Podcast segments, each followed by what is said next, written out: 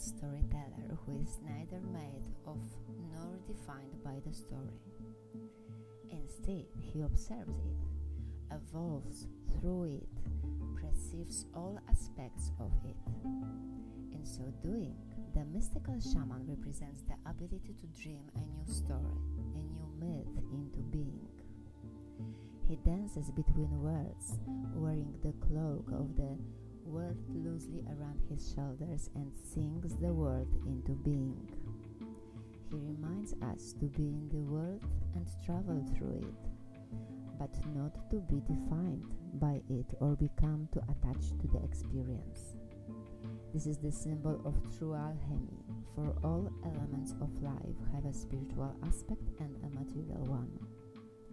When we remember this, all minor or miracles and manifestations are possible.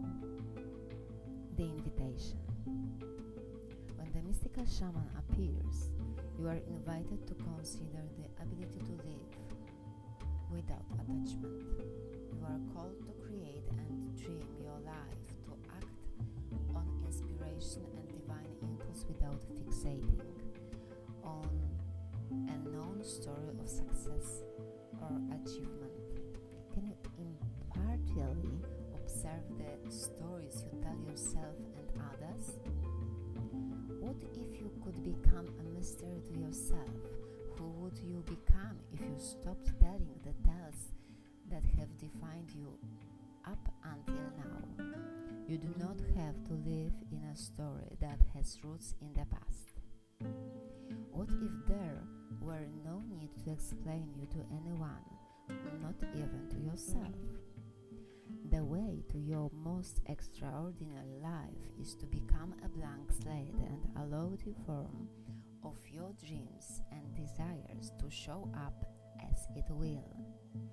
This is a sign to manifestate, manifesting a life beyond your wildest dream. Careful what you pray for. The mystical shaman cautions you against relentless, relentless attachment to a certain form that you think will make you happy, prosperous, famous, loved, etc. However, in seeing your dreams come into being, had you considered what you were willing to sacrifice for it? Perhaps you have been telling yourself a certain story for so long, the story that only when you reach this particular goal will you become happy, that you will arrive.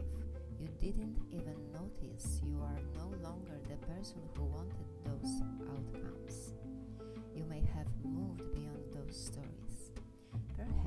It's time to admit to yourself that you need to imagine a new story that is more in alignment with who you have become. This is just one moment in millions of moments in the continuum of life. Let it go. Let it be just a story and move on. Better tales are waiting to be told.